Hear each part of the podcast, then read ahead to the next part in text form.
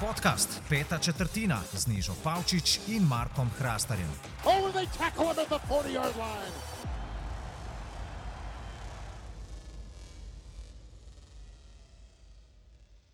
Drage poslušalke, dragi poslušalci, dobrodošli v novi epizodi podcasta Peta četrtina. Jaz sem Neža Pavčič, z mano je klasični član Marko Hrastar in pa že drugič letos Roga Gregorič. Pozdravljena, fanta. Dobro jutro. Dobro jutro. se bliži. Dobro jutrček.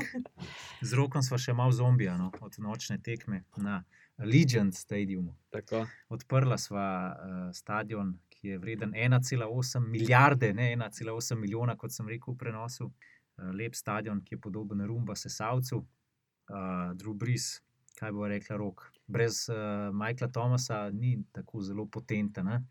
Nekje sem prebral, da je nič dva, takrat, kadar so igrali, oziroma ko je Drew Brees igral uh, in ni bilo uh, Michaela Thomasa v postavi dva poraza, takrat, ko pa je Michael Thomas, pa vsi vemo, kakšna je statistika. No, zdaj se tisti lep niz otvarjanja, uspešni, uspešen niz otvarjanja novih stadionov, ki so ga začeli kaj Falconsi, Mhm. pa potem še Minnesota, Ja. pa obojni so premagali Packers na prvi tekmi, potem so Ramsi, zdaj Sofa otvorili lepo uh, proti Cowboysom, zdaj so pa še Raidersi na domačem. Tako da, če želiš zmagati. Tekmo je, je stadion. fiks, da si samo nov stadion zgradiš, pa imaš zagotovljeno zmago.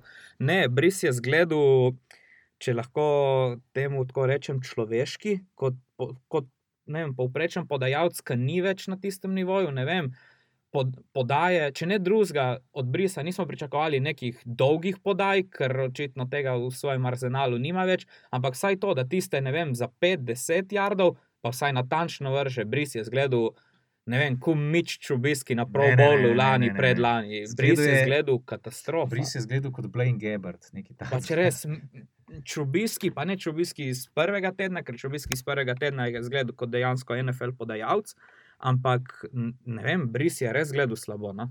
Ja, tudi to smo pozabili povedati, da na svež stadion uh, se je Derek Carr podpisal na steno, tako da je tudi on krstil uh, Allegiant Stadium. Uh, bi vaju poprašal, uh, kaj s temi poškodbami? Zakaj 11 ključnih igralcev, ne takih obrobnih igralcev, ampak igralcev, ki imajo v svojih ekipah ključno vlogo, se je poškodoval in večina teh je out for the season. Zakaj No. se to dogaja? A, a, so- a je kriva predsezona, da je ni bilo, ali kaj, neža, mogoče ti?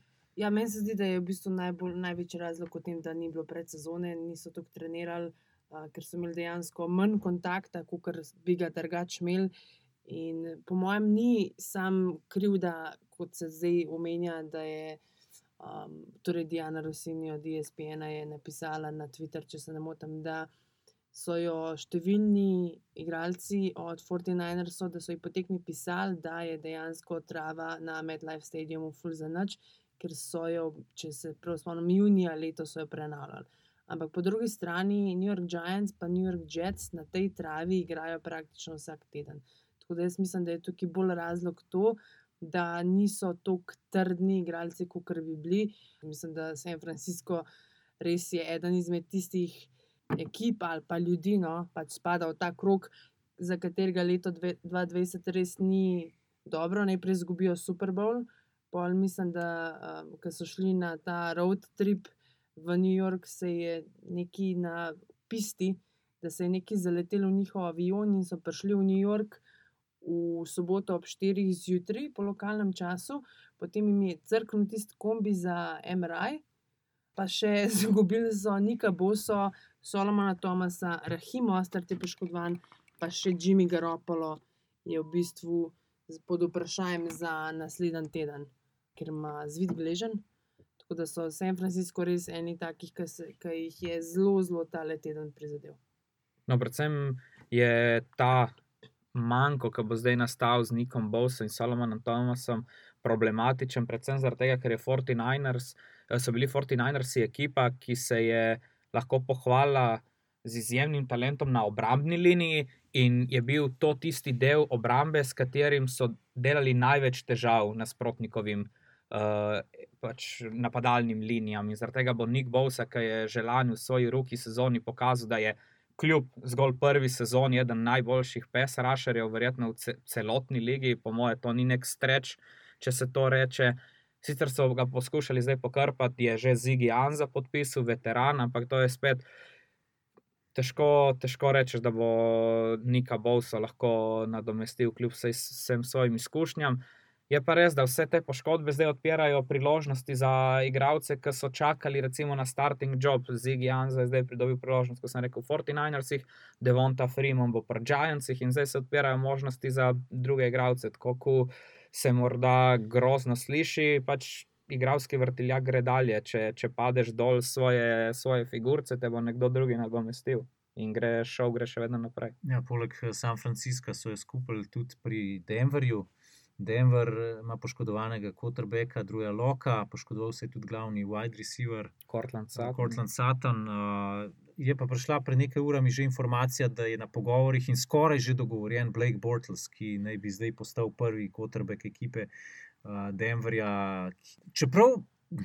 Zanimivo je, ogledal sem si tekmo med uh, Denverjem in Pittsburghom, in Jeff Driscoll niti ni igral tako slabo. No. Od starterja pač pričakuješ, da je povprečen Jeff Driscoll je držal Denver blizu, ne vem, bilo je 17-13 še v zadnji četrtini, tako da v Pittsburghu, čeprav dobro, ok, domač teren leta 2020, pff, ne, brez veze, Mhm. ne obstaja. Uh, mogoče edin v Miamiju, kjer je bilo spet okoli 20 tisoč gledalcev, pa uh, v, Dallasu, v Dallasu je bilo tudi kar dost polne tribune za videti. Uh, zdaj Denver, že v taki diviziji, ki igra, imaš bolj malo možnosti, potem pa če se ti tako le še dva ključna igralca poškodujeta, si pa sploh že skoraj završil. Ne? Pa Denver v bistvu že celo sezono, dobro, celo sezono, tudi Vona Millerja ne bo, tako da že Denver pred startom je imel že Pa tako hud udarc. Mhm. ne. Bradley Chubb. Tako da uh, Denver je en takih, ki jih je tudi fajn pretresel, pa po mojem mnenju še absolutno Indianapolis Colts. Oh, Malik Hooker. Človek, ne more ostati zdrav. Njega je meni pa tako žal, ker je bil na Ohio Stateu, je bil tak prospekt, ki si lahko rekel, to je pa bolj hok, ki bo lahko imel vem, po 5-6 interception vsako sezono, ki bo igral, zdaj pa kaj v prvih štirih bo dve spustil celi zaradi poškodb, mislim.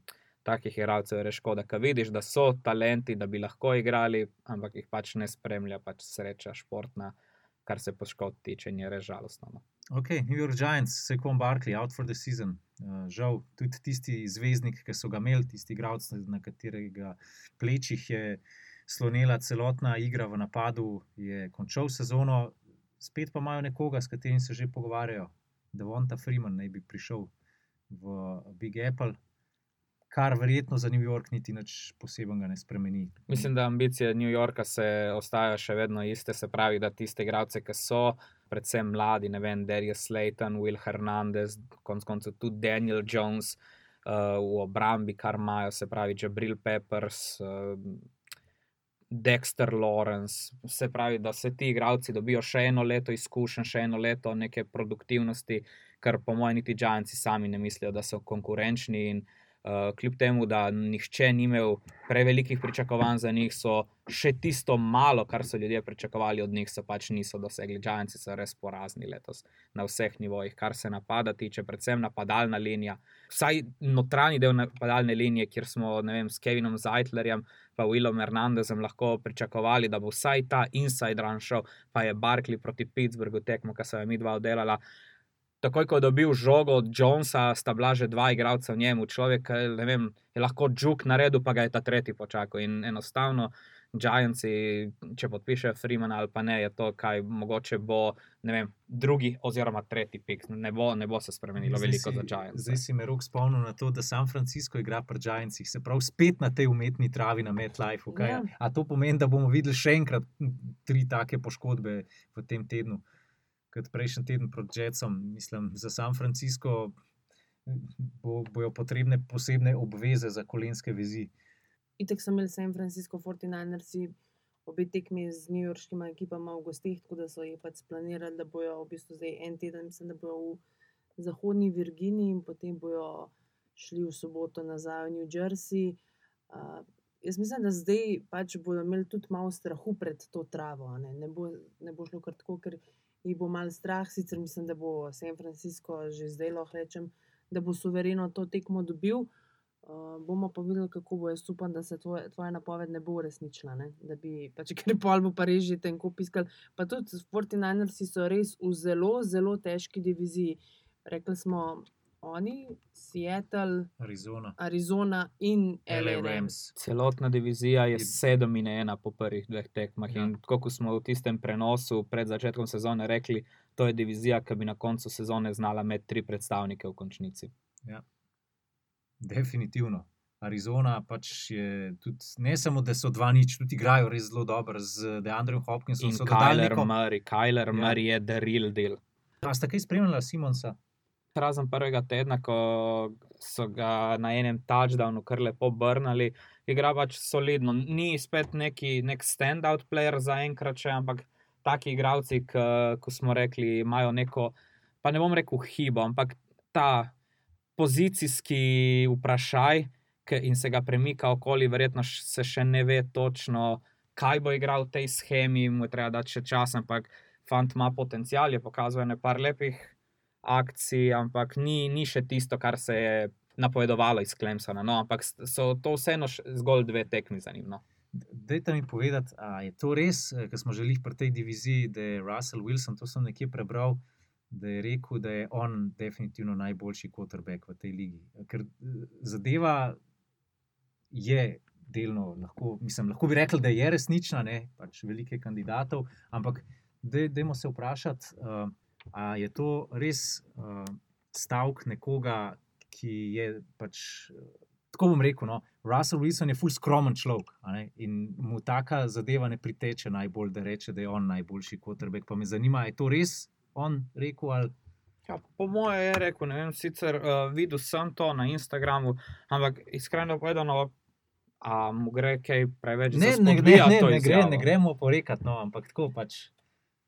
Ne na zadnje je tudi njegov soigralec pred leti, Richard Črman, gladko v live TV povedal, da je on najboljši korner v ligi. In je takrat tudi bil. Ja, in jaz tudi ne vidim nič narobe, če je pač Russell mislil tako. Mislim, da ima v celi svoji karieri veliko to izjavo za podložiti. Tako da tudi, če je to on mislil resno, ne, zdaj ne veš, ali je bilo iz, vzeti izven konteksta ali je to mislil resno. Jaz mu nimam čisto nič oporekati. In ta le tekma v nedeljo, jaz ne vem, ste jo Mhm. gledala, ampak je bila bolana. Tako kot vse zadnje štiri tekme Seattle in New Englanda, je bilo top. Ja, če je kje drama, polje med Seattlom in uh, New Englandom, iz tega vidika bi si lahko zaželeli, da bi imeli tak uh, Super Bowl. Kasneje na koncu podcasta bomo mogoče lahko spet prilagodili naše napovedi za Super Bowl. Po dveh tednih se je vse obrnilo na glavo. Uh, Cam Newton, kaj bomo rekli glede Cama Newtona? Uh, fantastičen začetek sezone, spet se je potrdil tisto, kar smo že v prvem podkastu pred začetkom sezone povedali da se čudimo vsem ekipam, ki so imele problem na poziciji quarterbacka, pa so se odločili, da pač Cam Newton ni dovolj dober za njih, oziroma da ne paše v njihovo schemo. Zdaj ti bom prebrala nekatere QB-je, ki imajo v letošnji sezoni podpisano pogodbo za več denarja, kot kar Cam Newton. Ajde, recimo. ajde da slišimo. Ajde. Andy Dalton, Blaine Gabbard, Brad Hundley, Colt McCoy, Jeff Driscoll, Chase Daniel, Markus Mariota, Case Keenum, A.J. McCarron, Chad Hen, Matt Shop, Matt Barkley in, a ste pripravljeni, a ste pripravljeni, Ne vem. Nathan Peterman. To je tretji podajalec Oaklanda. Ja. Nathan Peterman, ki je kdaj v prvi, prvi četrtini, ki je igral za Buffalo, vrgel 5 Penti intercept. interception, ja. Ima več denarja kot Cam Newton. Ja, včeraj jaz- smo govorili o Petermanu, ker je pač eh, zdaj backup quarterback v Las Vegasu, zaradi tega, ker je Markus Mariota na IR. In ja, eh, določene številke so mind-boggling, tako kot rečejo američani. Tudi eh, včeraj sem samo debelo pogledal roka, ker sem šel malo čez plače v New Orleansu, pa je letošnja plača Tejsoma Hila, recimo, više od Alvina Kamare. Ne? Pa vsi vemo, kaj Alvin Kamara pomeni za to ekipo. Tudi včeraj je bil glavna gonilna sila, da so bili na koncu sploh blizu uh, povratka New Orleans.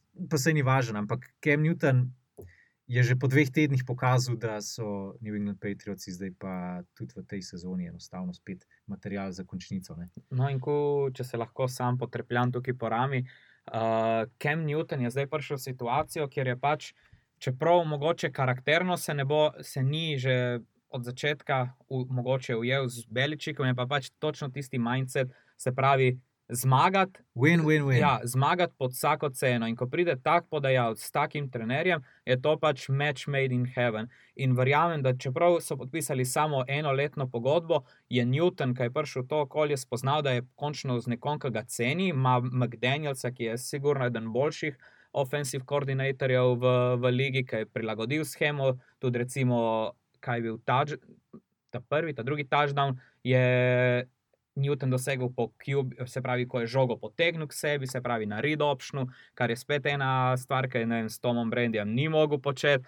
Se pravi, ki je prišel v tako situacijo, kjer se ga spoštuje, kjer se igra na njegove pač odlike, se pravi, ne vem, tudi te krajši teki, krajše podaje, um, hitra igra. Se pravi, po moje, ko se to sezona odvija, če se bo odvila tako, kot se je začela, bi Newton znal podpisati tudi dolgotrajnejšo pogodbo v New Englandu. In potem, ko se začne v New Englandu graditi sistem okoli Kema Newtona, potem bo, po mojem, New England spet dobil nek svež veter in bo New England spet tisti stari New England, se pravi, kompetitiv.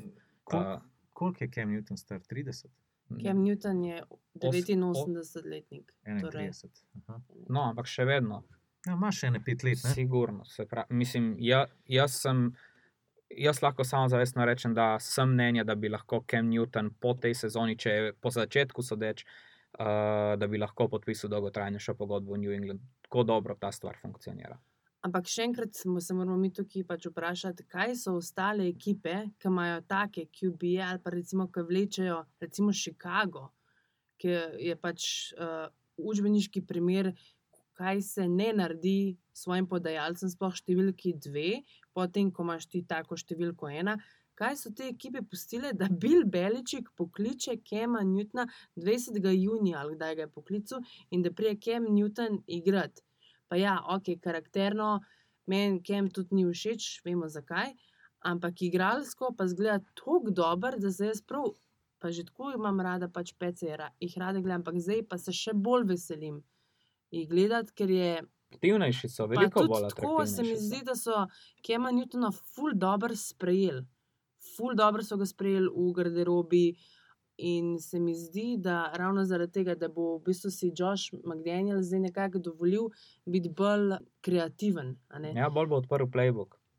In se mi zdi, da uh, je, kot si samo omenila, je, se je zelo lepo vklopil v to neko, neko kulturo, te, ta, ta dobesedno villain culture. Se pravi, vsi vidijo New England kot nek tisti dark side, in se je Kem lepo vklopil kot nekdo, ki ga ostala liga vidi kot neko pač dobesedno črno ovco, in je zdaj znotraj tega sistema začel znova cveteti, znova kaže tiste najboljše predstave. In kot ekipa napredujejo, so naredili korak naprej. Pa tudi, če so to tekmo izgubili, je to tista tekma, s katero jo izgubiš in rečeš, pa dejansko mi smo bili, mi smo bili vrhunski. Mi, tudi, če smo izgubili, je to samo pač. Ne vem, statistično, mi vemo, da smo konkurenčni, mi vemo, da smo boljši od vem, tri četrt lige. In tudi, če smo to tekmo izgubili, bomo ostale tekme dobili, in pač konč, končnica se zdi povsem realna. Ja, zaradi tega, ker si potem sam še bolj lačen ja. Za naslednjo tekmo, da jo dobiš. a ne.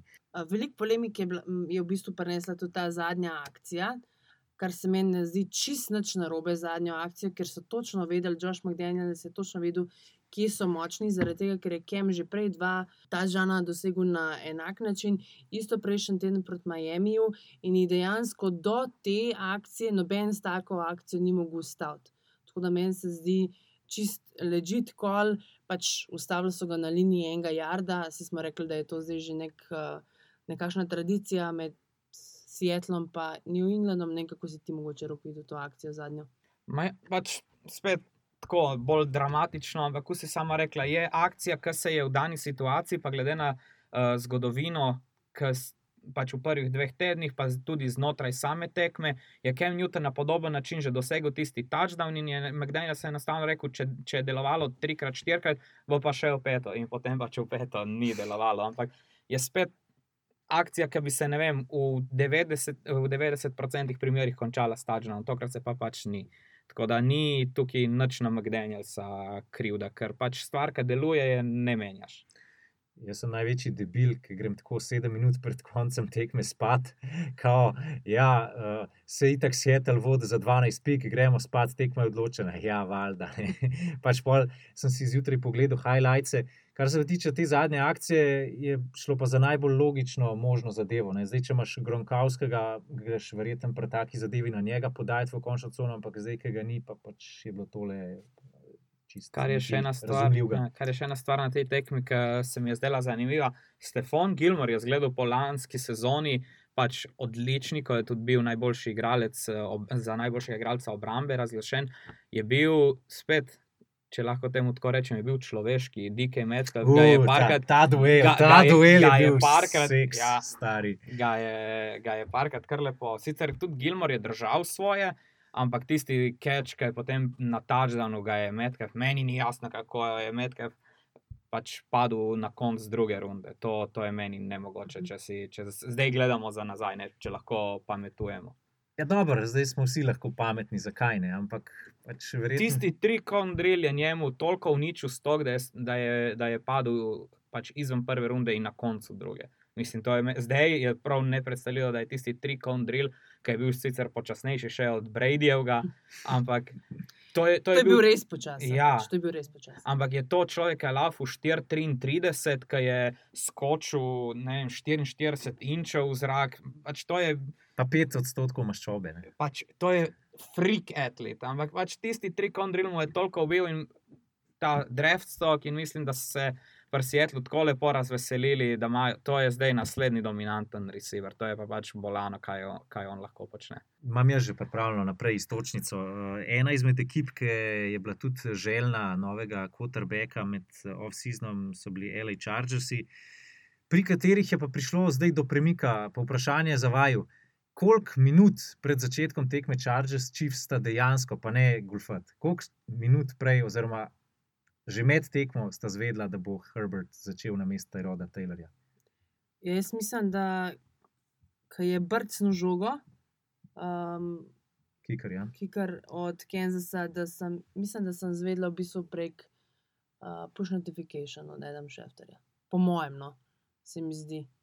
A to veste, da je niti Tony Romo ni vedel tega, mm. -hmm. kot komentator CBS-a. Ni enostavno ga je presekal na, na prvi akciji. Aha, ok, Herbert začenja, kaj s Tyrodom Taylorjem. A. Poškodoval se je na ogrevanju. Ne? Ja, in je zdaj week to week, se mi zdi Mhm. tako, da, ampak jaz mislim, da LA Chargers se potem, kar, bodo, kar so videli v prvi tekmi, če bo Herbert tako naprej igral, ker so bili vsi draft, rep- a, mislim, draft reporti, vsi ti uh, training camp reporti so bili full slabi za njega, res full. In če bo Herbert igral tako, kot je zdaj igral, se tudi oni, po mojem, nima kaj zabati. In dejansko je Ruki jih držal v igri do konca. Ja, sam Anthony, Anthony Lynn se ne strinja s tabo, neža. Anthony Lynn je po tekmi rekel, če bo Tyrod Taylor zdrav, je definitivno on naš starter. In potem, ko so novinari še rinali vanga in rekli, čak mal, Herbert je odigral za Rukija izjemno tekmo. Je bil pol Anthony Lynn kar jezen in jih in rekel: Čakajte, fanti, dej počas, počas. Na zadnje, ko sem šel preveriti uh, rezultat, smo mi zgubili proti Chiefsom. Tako da prosim, ne vem, kaj vam je. a ne. Ne, jaz ne kašen, kašen debil. Ja, jaz, jaz mislim, da, da, da je Tyrod Taylor v mojih očeh, mogoče sem tukaj tudi malo biased zaradi tega, ker je bil Tyrod Taylor uh, quarterback per Browns. a ne. In mu je Baker Mayfield vzel službo v tretjem tednu, če se ne motim, proti Jetsom. Uh -huh. In če to, kar je pokazal Herbert, ni dost, jaz ne vem, kaj Lin hoče. No. Jaz pa se tukaj malo strinjam s tabo, ampak se ne strinjam s tabo. Vse zato pa je podcast, da se, da, se, da se tudi kdaj ne strinjamo, ker če bi se zmeri sam strinjali, bi bilo brez veze. Ajde, razturite me. Um, Justin Herbert je začel tekmo zaradi tega, ker je Tyrod Taylor bil poškodovan, ne zaradi tega, ker bi Tyrod Taylor tako grozno slabo igral. Ja, okay. Jaz še vedno mislim, da on ni starter za celo sezono lige NFL in mislim, da se bo slej, ko prej Chargersi se bojo odločili za to menjavo. Ne pa še zdaj in verjamem tudi, da zaradi tega statusa zdravstvenega od Taylorja. Lin pravi, da še pač se ne bo odločil za to menjavo na prvem podajalcu. Zdaj ti tudi, tako kot Lin ne ve, tudi, ali pa on verjetno malo bolj ve, kot mi, ker ga gleda vsak dan. ne veš ti, je bil to srečen dan za Herberta, ker lahko bi šlo pa vse narobe, kar bi vrgel, bi vrgel pet interceptionov, tako kot Peterman, in bi ga že vsi nabili na veš kaj. Ne? Ja, ampak jaz bi sam dve zadevi še tukaj izpostavil. To, kar sem jaz glede Antonija Lina in njegovih komentarjev po uh, tekmi na novinarski konferenci povedal, je ok. Če bi se tukaj končal, jaz ne bi rekel, da je Antonij Lin idiot. Ampak dve zadevi. Prva, on je rekel novinarjem, ja, veste kaj, Justin Herbert je z razlogom uh, backup. Ne? Ste videli, določene akcije so pokazale, da ni za manj na klopci, pa, pa imamo Taylorja kot prvega. In druga zadeva, ti si zafrknil tekmo človek, ti si pantov, na drugi strani imaš Paul Mahomesa, ki ti je verjetno tudi nekje globoko zadaj v drobovju jasen, da te bo premagal, namesto da bi šel v četrto igrati. Pač isto ti je. A zgubiš na tak način, da pokončno umreš in greš v četrto igrati, ali pa pač ne vem, no, mislim. Če, če si ti kriv, da zafrkneš tekmo, in jaz mislim, da se globoko nekje vse Antoni Lin tega zaveda, potem ne disati svojega backup quarterbacka. a ne. Mislim, To mene s- moti. Sigurno se ni novinarske konference lotil na pravi način, je pa pač dejstvo, da tako Justin Herbert kot Tua Tagovailoa sta bila izbrana z namenom, da ne bosta igrala od prvega tedna. In potem, po moje, ko je bil, kako je Neža rekla, Justin Herbert je bil potisnjen v ogenj, ne zaradi tega, ker bi bil on toliko dober, da bi kazal na treningih toliko dobre predstave, ampak pač ker druge opcije ni bilo. In razumem to potezo, da če Tyrod Taylor uh, je zdrav, da bo on začenjal. Je pa sigurno to nekaj, kar lahko imaš za naprej. Se pravi, če bo pač Tyrod pokazal, ne vem, dva, tri tedna slave, boš pa lahko rekel, evo, Justin je pa nekaj dobrega pokazal. Se pravi, zdaj pa imam utemeljitev, zakaj Tyroda lahko menjam. In ni zgolj tisto, noč veteran igra slabo, da ima rokija igrati. In pač zdaj imaš neko osnovo, ki rečeš, ok, vem, kaj lahko naredim, ampak še vedno imam veteranu, ki, lahko, mu lahko zaupam. In pač nekako razumem, je pa sigurno ta, če rečeš, uh, kako imajo oni izraz, ta riding, riding the hot hand, da bi z Justinom Herbertom šli naprej, bi bilo bolj zgolj zaradi neke, pa ne bom rekel medijske pozornosti, ampak dobesedno samo zaradi tega, ker je nek momentum, da, da, da furaš dalje. Razumem pa, zakaj Anthony Lin hoče iti nazaj k Taylorju. Je mogoče tudi uh, ta, uh, trenerja Lina zmotil, ki je prišel pred začetkom tekme, ko je pač že vedel, da je Tyrod Taylor tako poškodovan, da ne bo mogel igrati. Pride do Hrvata, pa mu reče: Dečko, um, danes boš pa začel. Ne? Pa Hrvat njemu nazaj reče: Kaj, ne, zabava se. Ne? Ne, ne, ne, resno, dej, uh, pač začni se malo bolj intenzivno ogrevati, pa sled se, zato ker greš danes ti prvi v igro.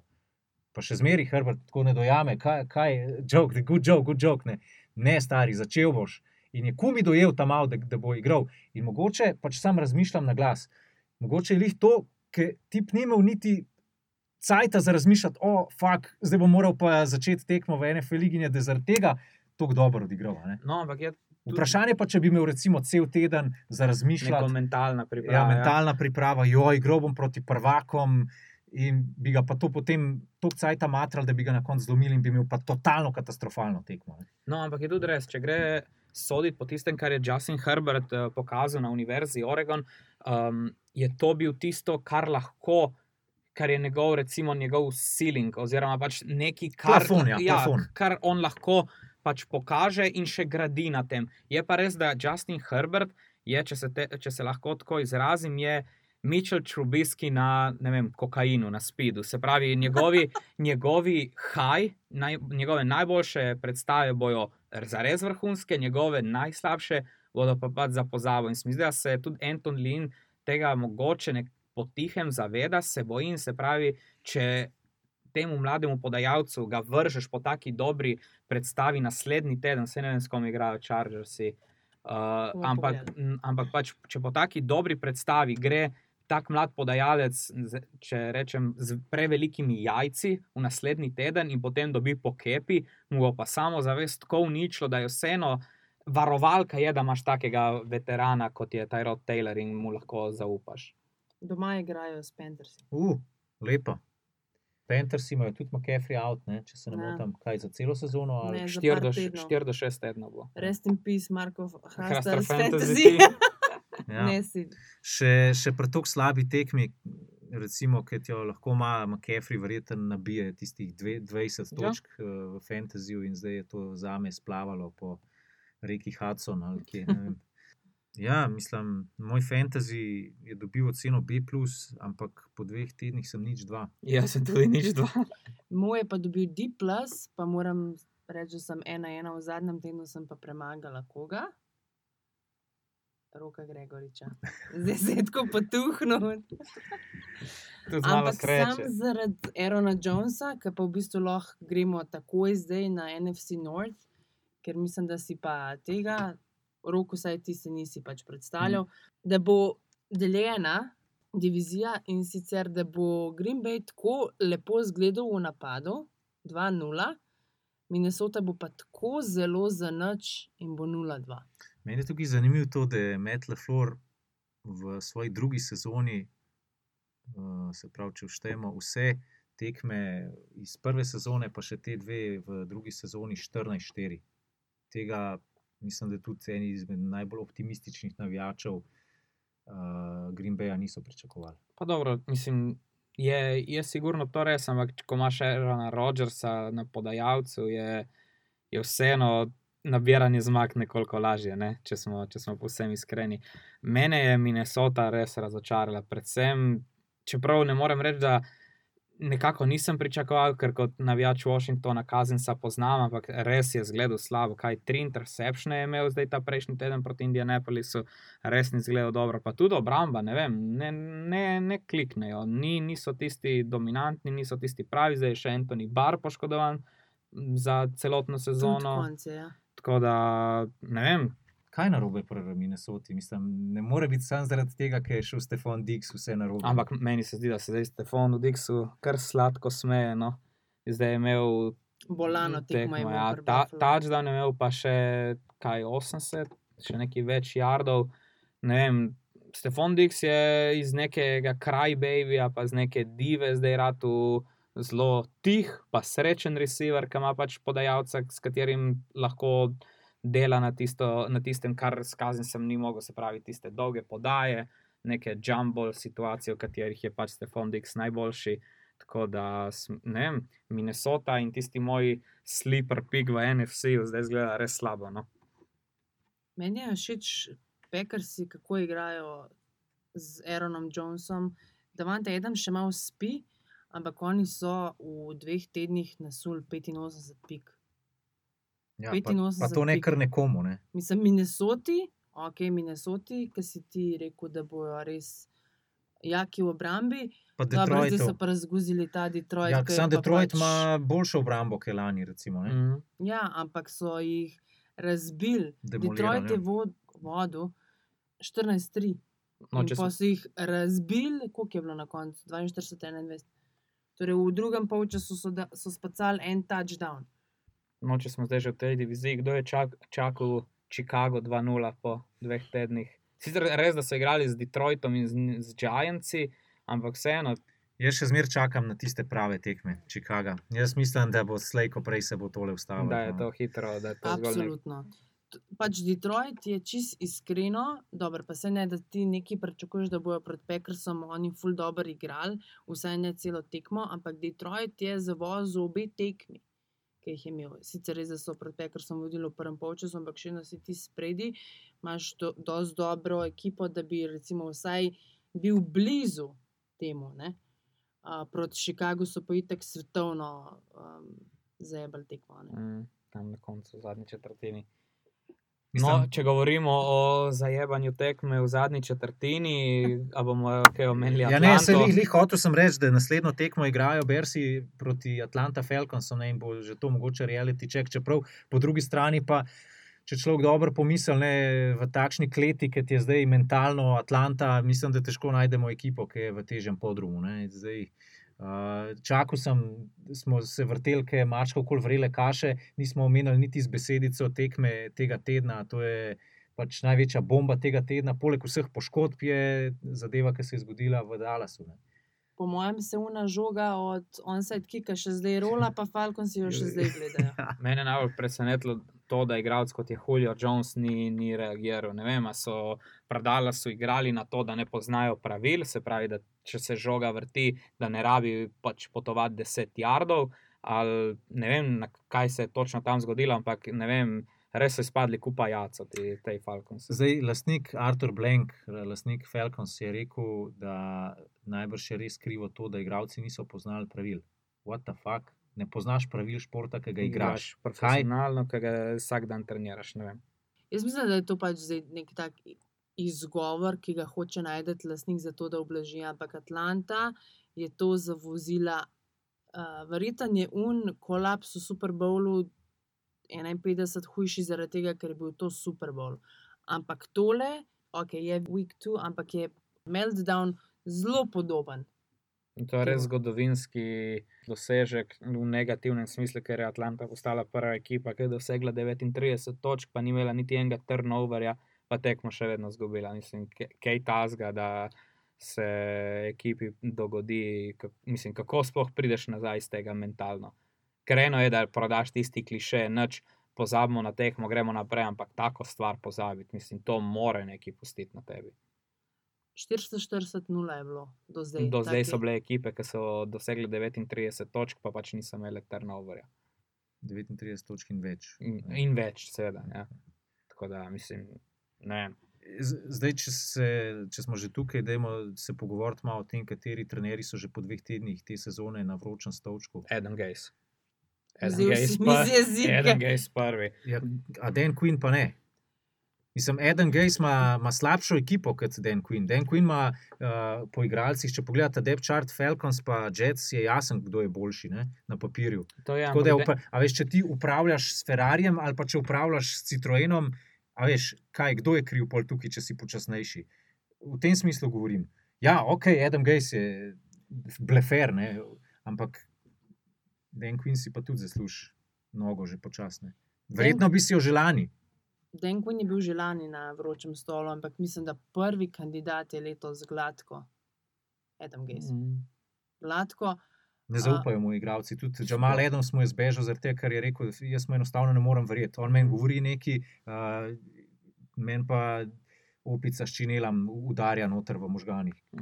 Me- Mene že zanima, kako se je on iz Miamija prodal. nekam. Že tako, že tako, lih to sem te reči, že na način, eh, na katerega je on dobil službo v New Yorku, je bil smešen, zaradi tega, ker Eden Gay se je, je prodajal kot nek QB coach, QB whisperer, ki je naredil takrat tisti dve dobri sezoni Tenahila, preden je Tenahill šel niz brdo, ampak ja, Eden Gay je, ne vem, prevarant, blefer, karkoli lahko tukaj rečemo, katastrofa. Mislim, že, že tako nima dosti za upravljati. Nekega talenta, nekih igralcev, pa potem še tisto, kar ima, pač je res porazno zgleda. Ker bi rekel, vsaj neki, tako kot so imeli, ne vem, lani uh, tele Bengalsi, kar rečeš, dobro, so slabi, ni problema, pač vemo, kaj bomo naredili na naslednjem draftu, neke, neke puzle imamo za sestavljati, če lahko, ne vem, imaš Gina Atkinsa, imaš, Kar, imaš Carlosa Dunlepa, imaš, ne vem, Jessija Batesa, imaš Williama Jacksona, imaš igralce, s katerimi ka lahko rečeš, no pač. To bi se lahko enkrat poklopilo v naslednjih dveh, treh sezonah, pa bo stvar delovala, če pač bo ne vem, podajalce pravi Brov, da bo pač on pokazal neki. Kaj imajo pa Jetsi? Za katerega igralca lahko rečeš, da bo nekaj naredil? And Williams se je končno zbudil, ampak tudi on, odkar je bil zbran kot četrti, pa si sam sebi rekel na zdravje, ko je kihnil v intervjuju. Mekaj Beckton, Mekaj Bekton, recimo, pa potem kaj imaš tega Markesa Meja, ki bo zdaj mogel biti ta prvi. zdaj, to, se bo, to se bo zdaj fulgardo slišalo, ampak mogoče je Levion Bell zdaj zelo vesel, da se je poškodoval, ker se mu ni treba ukvarjati z Adamom Gasom. Ne? Mislim, ce- celotna stvar je en velik pač mes. To, kar so Jetsi naredili z neke, z neke ekipe, ki je še kaj 7-8 let nazaj bila povsem Osem, osem. Ja, ki je bila konkurenčna in je tudi Mark Sanchez ima še vedno pozitiven izkupiček proti Tomu Bradyju, Ja, pa deset, Patriotsu. deset let nazaj so celo Patriotse premagali v Divisional. Divisional roundu. so prišli iz neke uh, ekipe, ki je imela dobesedno svet v svoji dlani, do ekipe, ki nimaš niti nekega upanja, ki bi vsaj rekel. Pa dobro, ok, pač, ne vem, dve sezoni bomo slabi, ampak potem bomo pa šli naprej. Ampak ne vem, jaz res nimam nobenega upanja za Jetce, niti da bi lahko rekel, da, bojo, da imajo nekaj zagraditi. No. Meni se zdi tudi zelo verjetno, da bo odletel med Patriša. To sem tudi velikokrat prebral, ampak dajmo, mislim, A mu ne bi dal še malo časa, a ni bil tako. Mislim, meni, je- meni je tako, tako smešno, da uh, ko so Lionsi odpustili Jima Caldwella, so bili kaj 9 in 7, 7-9. 7, 9, pa 8, 8, pa tudi bili so 9, 7, pa so pa hoteli nekaj boljšega in od takrat naprej niso, kaj, niso še imeli več kot 5 oziroma 6 zmag. Mislim, to je tako spet malo kontroverzno, itak tisti, ki se, ki se radi oprejo na problem rase, bojo sigurno pač rekli črnega. Trenerja so odpustili, pa zdaj belci ne naredijo nič boljše, ampak uh, nasploh. Jaz bi še vedno mogoče Patriši dal ne vem, do konca sezone, ker konec koncev ni, ni, ni prevzel ekipe, uh, tudi poškodbe mu niso šle na roke, se pravi Stafforda, ampak ni prevzel ekipe, ki bi bila tista ne vem, neka konkurenčna za, uh, za playoff. Ker je šel Caldwell, so bili na robu, zdaj so pa naredili vem, korak, dva nazaj, ampak še vedno imeli so dokaj v redu draft. Uh, Patriša si je spet pripeljal svojo kolonijo, tako kot vsi koordinatorji in trenerji si je pripeljal čet, svojo četico Patriotov. Ampak bomo videli, če se zdaj, po mojem, je to zadnja sezona za Patrišo, da nekaj naredi. Ampak um, ne, ne bi pa še rekel, da je po drugem tednu na vročem stolu. Sam to je tako smešen meni v tej ligi. Odkar jo spremljam, tako igravci res, veš, igrajo pa Patriotih, pa tako na nivoju pro bowlerjev, pogrejo pa v eno drugo sredino, pa tako ne, ne prsmrdijo do nikamor. Res. Pač to, kar sistem, Sistem. ne, sistem, ja. se, sistemski podajalci in podobno. a gremo komentirati sistemskega podajalca. Ja, dobro, kaj, Patriša, Queen, Gays. Ne, Patriša bo zdržal sezono, jaz mislim. No, ampak ja. um, če bo igral tako, kot je do zdaj igral, da pač se bojo skozi sam neki nadali, pa bojo zraven do pet minut pred koncem, ti na koncu že ne boš imel zmage. a ne. Pač štejejo pa zmage v tej ligi in konkurenca je huda. ne. Tako da jaz mislim, da okolikor letos ne, pride, ne pridejo vsaj do vem, 7, 9, 8, 8, kar bo je zelo težko, ne. Mislim, da bodo kar um, se zahvalili za sodelovanje, pa mogoče pač poklicali kakšnega drugega trenerja. Um, to drugo, da bi bil pa na vročem stolu, pa jaz zaenkrat še ne vidim. Ne. Bomo pa videli, kako se bo razpletla sezona. Uh, ne vem, če ste videli ta podatek, ampak ker smo jih pri Patriotsih, pa sistemu, uh, Tom Brady ne, je v svoji karieri, pač ko je igral za New England, izgubil, mislim, da v teh zadnjih 20 letih trikrat. Zdaj, ki je prišel v Tampi, mislim, da je četrtič. In v vseh teh štirih primerih, ko je v Week One Tom Brady izgubil, je potem v Week Two ne zmagal, ampak tako razturil, tako QB rating nad ne vem, 100, potem uh, same zaključene podaje, uh, ne vem, tako 75 do 80 odstotkov zaključenih podaj. 8-9 touchdownov brez interception. Ne Dobro, vem, je- če sta videla to, ampak to je res eh, tisti bounce back. No, Tako, da, da se reče, bi rekel, Ja. da se reče. No, ampak je tudi res, da boljšega nasprotnika za, tega, za ta bounce back narediti pač skoraj težko, da bi imeli. No. Uh, je pa, meni je bil bolj zanimiv tisti podatek, da je imel Tom Brady uh, s prvim tednom, ki je vrgel tisti pick six, Janorisu Jenkinsu, da je imel kaj. Uh, Tri zaporedne tekme s Pick Sixom, da, oziroma, me, če, če se mi da je bil podatek, da je imel tri zaporedne tekme s Pick Sixom v Možno. nekem obdobju. Možno tega, ker v lanskem wildcardu je v bistvu zadnja podaja, ki je vrgel za pece, je bila Pixix. Mm. Tako da Tako da če ne še potem proti Miami, ki so izgubili, je tudi ten Pixix vrgel. Tako da, in to je bil, se mi zdi, da, uh, naj, izenačen najdaljši niz. Mi zdi, da je bil eden izmed še z dvemi podajalci, pa meni se zdi, da je bil eden izmed njih Blaine Gabbard, pa še nekdo, zdaj se ne morem spomniti, ampak ja, Tom ni še, ni še tisti Tom. Ker smo ga mogoče čakali ob vsej nekem razkošju, ki ga ima v tempi, je pa pač, kot smo rekli, tako kot bi radi, zdaj bili že vsi pametni, pa napovedali celo, celotno sezono naprej, je vseeno to, sta dva tedna za nami, je, je še prezgodino. Čeprav tam pa bi se res težko želela boljšega nasprotnika za njih Mm. v drugem tednu. Ja, da sem rekel za bounce back. Carolina je res pač Nis- slaba. Ampak pač recimo prvi teden so se pa v redu kosali z Las Vegasom, kaj je zdaj pač presenetil New Orleans. uh, danes po noči ja. So, so jih presenetili. In ne vem, Carolina je spet ekipa, ki jo vsi pač pričakujejo, samo da bo to sezono probala čim prej zaključiti. Ampak je tako, bom rekel, ne bo, da je dobra ekipa, ampak je tako taka sniki ekipa, ki bi lahko presenetila. Zdaj spet bo težje brez McCaffrey, ampak že prvi teden so pokazali, da so tako lahko, da bi lahko presenetili. No, ampak nasploh se mi zdi, da je take ekipe so, ki jih noben ne jemlje resno in lih zaradi tega elementa je potem, ko pač tako kot je rekel, sem videl Mike Tyson, kao vsi so pametni, dokler ne dobijo pač šake na nos. Ne? Ja, pač Carolina Panthers je ekipa, ki ti v 17. tednu zjebe tvoje playoff upe. Ja, točno ta, to, ta tip. njim ekipe. se, njim se fučka, ti hočeš zmagati, oni te pa lepo zmagajo, pa ti zaprejo vrata Mm. v playoff. Taka ekipa so. Meni so Mm. Teddy Bridgewater, meni so oni simpatična ekipa, tako Teddy Bridgewater je quarterback, on mi je bil od nekdaj všeč. Tako da, um, ja, za končnico pa itak, da ne bojo niti blizu prsmrdeli.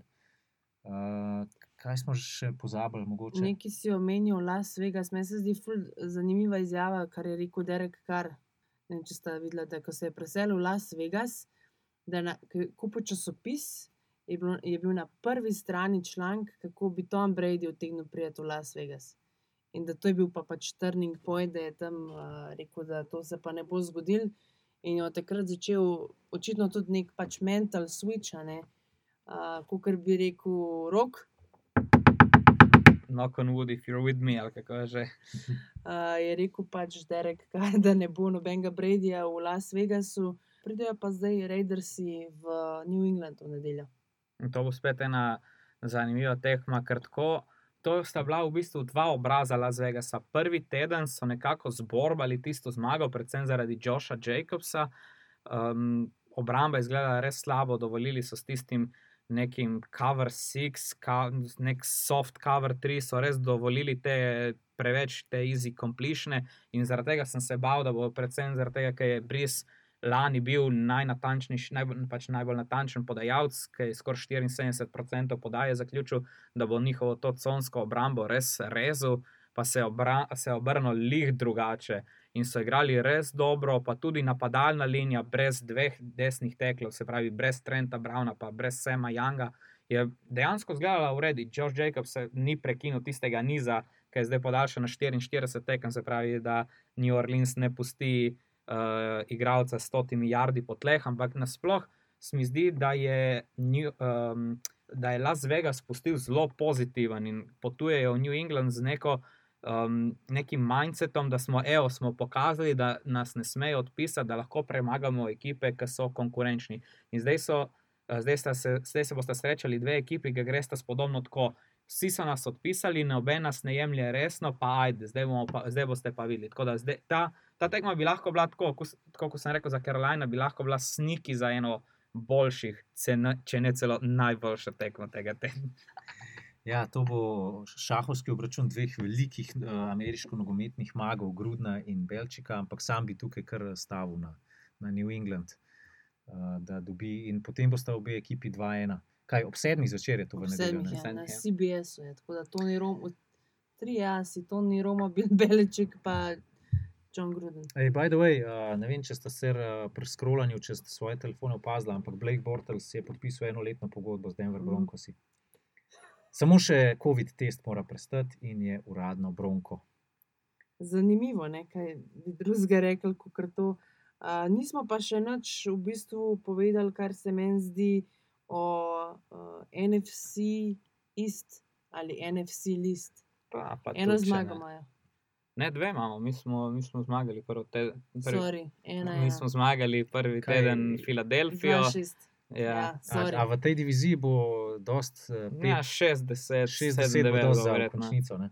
Pa bo to prvič po kaj, dva, ne vem, 20, 29, kaj je Seattle dobil divizijo 7-9. tako da, Tudi Carolina je dobila divizijo Ja, 7-9. redko, redko, Mislim, da se, redko, 7-8-1 celo. redko Ja. se dogaja to, ampak bi se dalo. Čeprav Dallas je imel srečo, da je prišel nazaj, ampak je še vedno, po moje, te interdivizijske obračune bo Dallas, po moje, pobral, sploh kar Filadelfija zgleda Mislim, zdaj se lahko, zdaj se lahko smejim, ker smo jih prvi teden premagali, ampak Filadelfija zgleda slabo. Tako napadalna linija, ki pogreša Brendona Brooksa, pa Lena Johnsona, uh, tako Carson Wentz zgleda slabo.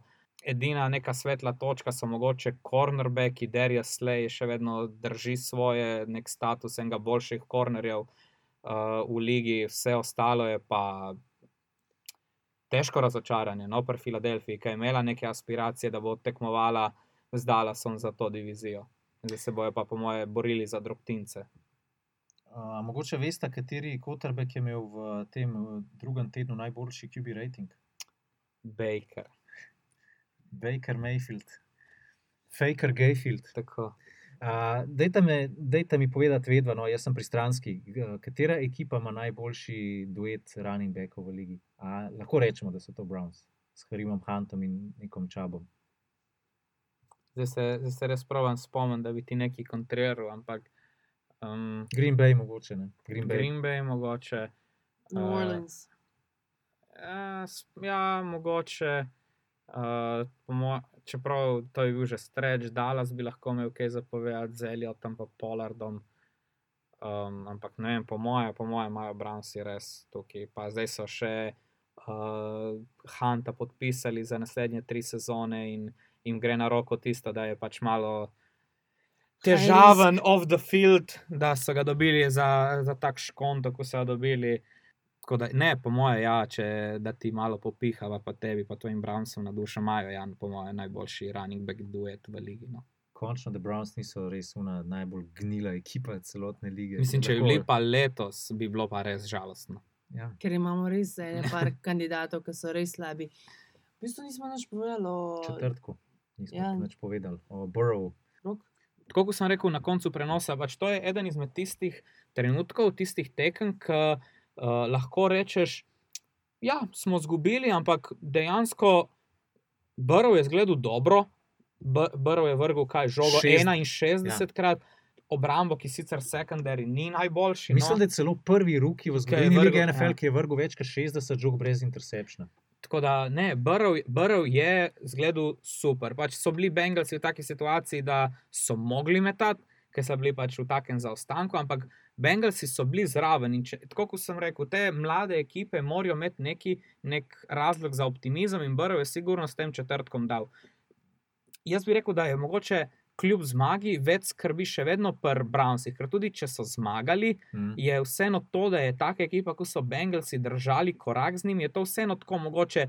Neki, da, da ti da misel, nekaj, kar ti ne pusti spat. Pa ne, da se zdaj tako pač, da se sere po Bengalsih, ampak je vseeno pač Brownsi se je pričakovalo od njih, da bodo to tekmo dobili in se mogoče pričakovali, pričakovalo, da bodo dobili na bolj prepričljiv način. No, zdaj Ja. sam povej. Ja, predvsem bi najprej povedal, da smo neizmerno uživali, ker tekma je bila res, Res, res res bomba. dobro. Mogoče celo top 3 tekma tega vikenda. Mm Mhm. Ampak eh, sam bi pa rekel, da ja, Browns imajo težave. Še zmeraj, kljub temu, da zdaj s, te, s to zmago se je malo zakril zadeve, Ja, malo lažje po, po, diha. pometel pod preprogo. Ne. Zdaj pa ne bom presenečen, če bo spet pot, proti Washingtonu že poraz. Uh, problem pri Brownsih je kaj? Problem je sekundari. Imaš Denzela Warda, potem pa ena velika, velika revščina. Ne. Denzel Ward je mimo Gre- grede skril v žepe AJ Greena. Zdaj se je Grady Williams vrnil nazaj na treninge. Mac Wilson se je vrnil, kar je še bolj Tako- pomembno. tako je- Linebacker. No, bomo videli, kako se boste v tretjem tednu kosala nekdanja soigralca pri Ohio Stateu, McLaurin in Ward. Ne, tako da tisto bo sigurno zanimiv mečap. Zanimivo bo tudi videti, kako se bo napadalna linija Washingtona um, kosala z obrambno linijo Brownsov, ki je verjetno najboljši del celotne obrambe.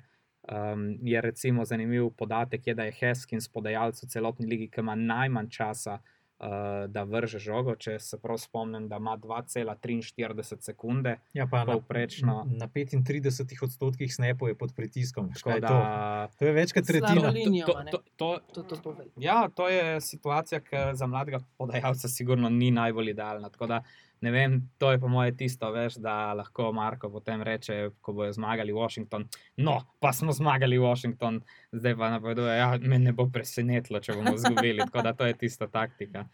Uh, tako da, Ta, ta, kaj tu dejansko misliš, da sem jinxal kaj? ne, poskušaš narediti ta kontra-jinx, se pravi, da rečeš, itek bomo izgubili. Ne, pač nisem mi- rekel, da bomo izgubili. Rekel sem samo, da ne bom presenečen. Ne? Pač kot navijač Brownsov ne moreš biti presenečen, tudi če izgubiš proti Jetsom. A veš? A igrate z njimi letos? Uh, mislim, da ne. Mhm. Mislim, da nismo z vašo divizijo skupaj. Ampak tako pač ne, ne mislim, da zdaj probam neki downplayati zadevo, koliko smo kao, ja, za nec smo. Ampak dejansko res, ne bom presenečen. Pač ta, ta franšiza ima take oscilacije, da ne moreš biti pol presenečen, če enkrat zmagaš, pa v naslednji izgubiš. Wow, ja, lej. Pač, Je, jaz res potiham upam, da dobiva to tekmo za komentirati, da bo potem v Uh, viš kaj, mislim, da ta tekma niti, niti Ne ni bo zanimiva. Bo, ne zato bo, ker jih je ta ja. teden je to Je dober, je res dobrih. Ob Recimo sedmih sta- Buffalo, LA, Ja, Buffalo, LA, Rams. Ne? Mhm. pol so Patriots. Pa Dallas je ob sedmih. Ne? Mhm. Ne, Dallas je pa ob 11, pol Ja. 11. Zato, ker Dallas igra v Seattlu, recimo. ali. Za zdaj, mislim, ne vem, še ni mi jasno, katere tekme bomo prenašali, je pa jasno, da bomo prime time, kot vedno. Ne? V Ja. četrtek Thursday night. Jacksonville proti Miamiju, Čeprav je Poslastica. poslastica tedna. ja, potem uh, v nedeljo je Green Bay, New Orleans. Me zanima me, kako bo New Orleans to odigral. Ker ti si rekel, da je bil Drew Brees Je, videti zelo ja, človeški. Ja, Recimo tisti interception, ko je vrgel. je bila, Kako si to vrgel? to, sva, to sva bila oba z Markom presenečena, ker je bilo. Pač, ker recimo nekatere intercepšne obrazložiš, vem, da ob, na obrambni liniji nekdo žogo ne vem, s prsti presmeri, ne, nekatere intercepšne obrazložiš, da je pač med bil ne vem, v double coverage, triple coverage. Ta žoga je bila pa nedotaknjena. nedotaknjena, v lovilca nikjer, uni se je dobesedno tam moral, linebacker. Uh, se je dobesedno en meter desno postavil in žogo lovil, lovilca pa ne vem, v radiju metra in pol, dveh nikjer. In to je bilo prav tisto, kar si rekel. Pa to ne vem, to ne vem, od koga pričakuješ. Division 3 podajalca, da neki ta Od zunaj. Miča Trubiski. Ja, pač recimo. Koga bušimo, stari, ali še tip je 2-0, mi ga pa 2:0, kle, kle nekje v, v Ljubljanski luknji, kle ga, ga bušimo, stari. Da. Ne, drugače, uh, ja, ok, vse tekme super in ja, ampak uh, Monday night, Chiefs, uh, Ravens. To je, to je, to pa zdaj tista prava Ja, poslastica. to, je- zdaj, zdaj se pa uradno začenja sezona. ne. Da, zdaj, to je tista prva, prvi nek mejnik, ki se bo videlo, kje, kje, kje ekipe so. Um, obe, to je spet tisti dvoboj, ki ga pričakujemo naslednjih 10-15 let, da bo odločil o potniku v Super Bowl s- v konferenci AFC. Tako da to, to bi znala biti tekma, ki bo že nekako razporedila rankinge, ker pri teh ekipah, ki vsaj pri vrhu v AFC-ju jih ni spet toliko odličnih in bo, ne vem, s ta novim rankingom, se pravi, da gre v končnico sedem ekip, bo tista, ki bo druga, bo igrala že prvi teden. In po mojem bi obema lepo pašalo tisti prvi teden. Odmoriti malo, pa končati ne vem, sezono na mesto 14-2, da je končaš ne vem 15-1. Okay. Dej, ja, neža, ti si hotel še nekaj povedati. Nismo noč o Pittsburghu povedali. A ja, to je pa res krivica. krivica ja. Pittsburgh igra dobro. Jaz sem včeraj med prenosom šel tako daleč, da sem rekel, da imajo najboljšega roki wide receiverja v ligi, Claypoola. Claypool je dve taki akciji naredil, da pff, kolena za zebe. Ja, ampak to so spet samo dve taki akciji. Ja, sem jih je naredil, ne? To akcijo moš narediti. Kaj pa Henry Rux je imel, Henry kaj, Ruggs je imel je pa des, imel- pet, uh, deset takih žog, pa, a veš, ja, pa ni, Pa ne?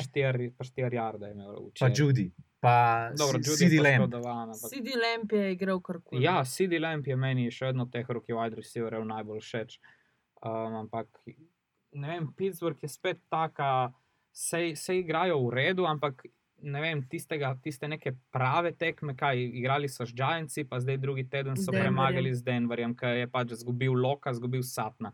Tako da za Pittsburgh jaz še vedno imam neke rezerve, čakam, kdaj se jim bo zalomilo. Divizijske tekme prihajajo. Ja, in to so, divizijske to so tekme, tiste, ki na koncu odločajo. ker Tukaj imaš ti šest obračunov, kar je na koncu kaj, 40% tvoje sezone. In tukaj se pač sezona naredi, oziroma se jo dobi, oziroma zgubi. Ne, sem Pittsburgh ima tako dobro obrambo, res. Ne, Pittsburgh. Tako ja. dobra obramba, stari, če greš od, enega, od ene do druge pozicije. To je, mislim, res, jaki so. No. Mene še vedno skrbi, kaj bo na koncu z Benom Rotlisbergerjem. A je on res 100% zdrav Mhm. ali ne? ne?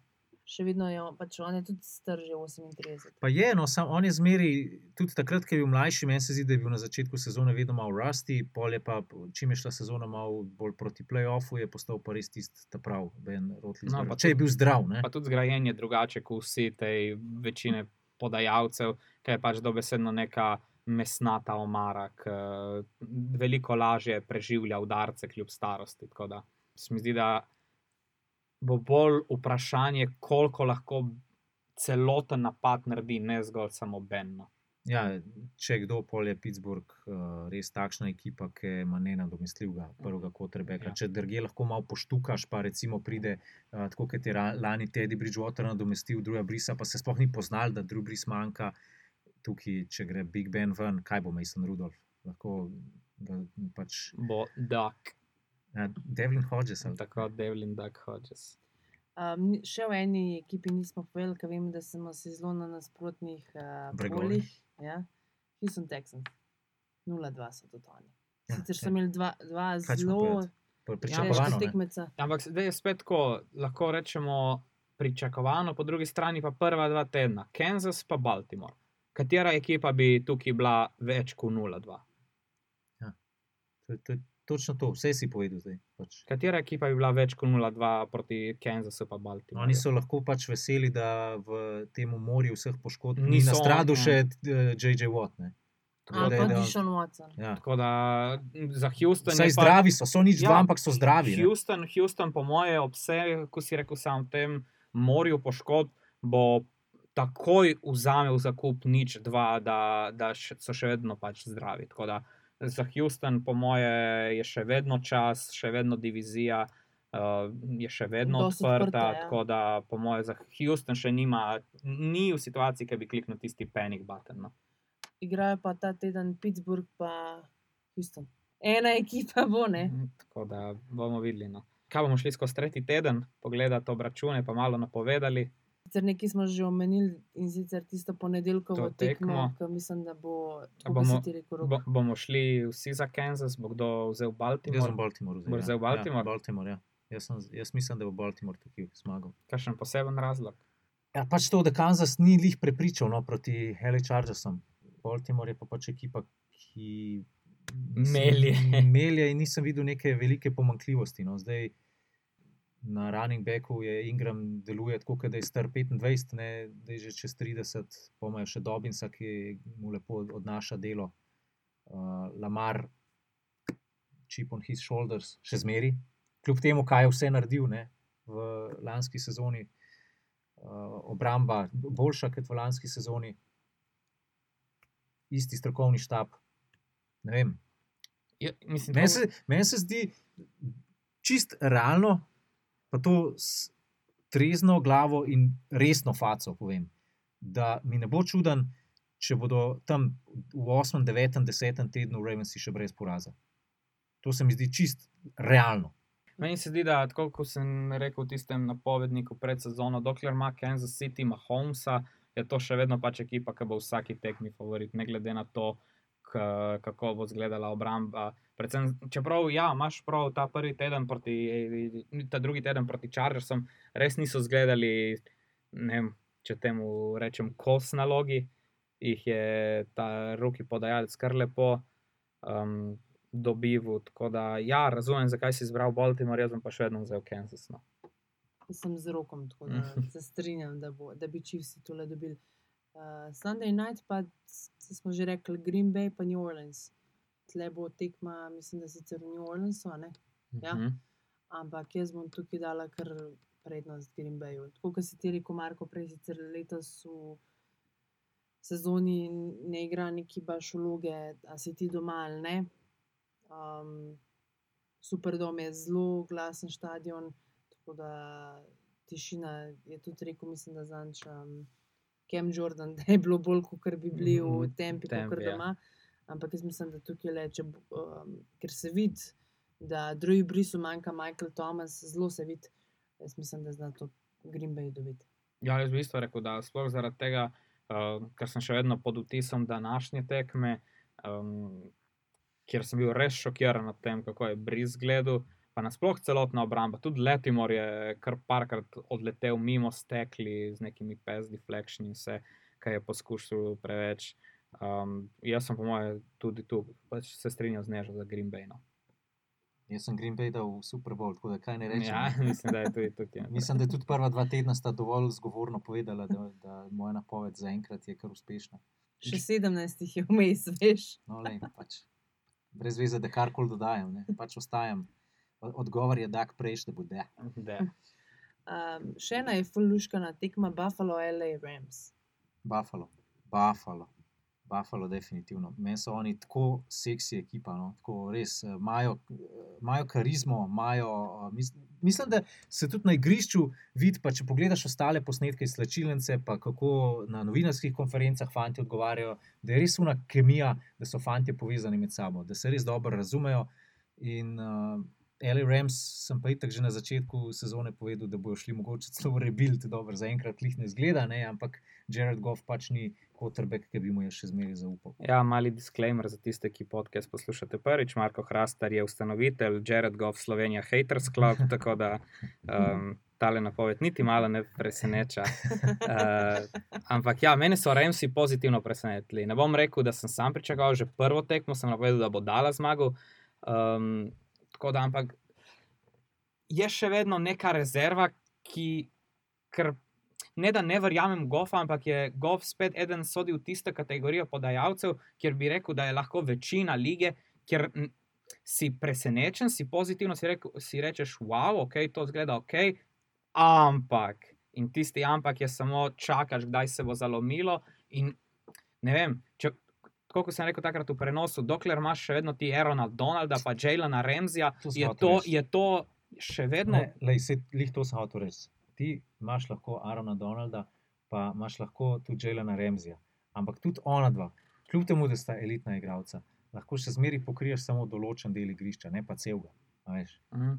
Ampak nasploh se mi zdi, da je celoten, celotni Remsi, zgolj zaradi tega, ker je, po mojem, se jih je malo začelo tudi posmehovati, se jim je začelo posmehovati zaradi vem, Remzija, ki je diva, uh, zaradi teh velikih pogodb, ki so jih dali, so jih dali igravcem. Oni so se pohabili, kar se salary capa tiče za naslednjih par let, ker zdaj so še Roberta Woodsa podaljšali, so Cooper Cupu dali pogodbo. Uh, pa, ne, ne rečem, da si jih ne eden, ne drugi nista zaslužili, ampak so se pač dobesedno sami sebe pohabili.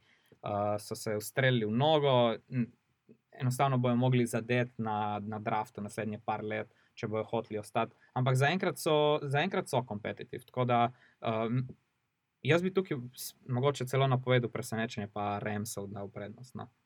V bistvu sem povedala že čisto vse, ampak glede na to, da je K-Makers poškodovan, ne, bom jaz tudi tukaj le v bistvu se Marko tu pridružila, pa dala na Buffalo. New England pa gosti Las Vegas. Marko, mislim, da je že povedal, da bo to, da bo to tekmo vse nekako pripadla Patriotsom.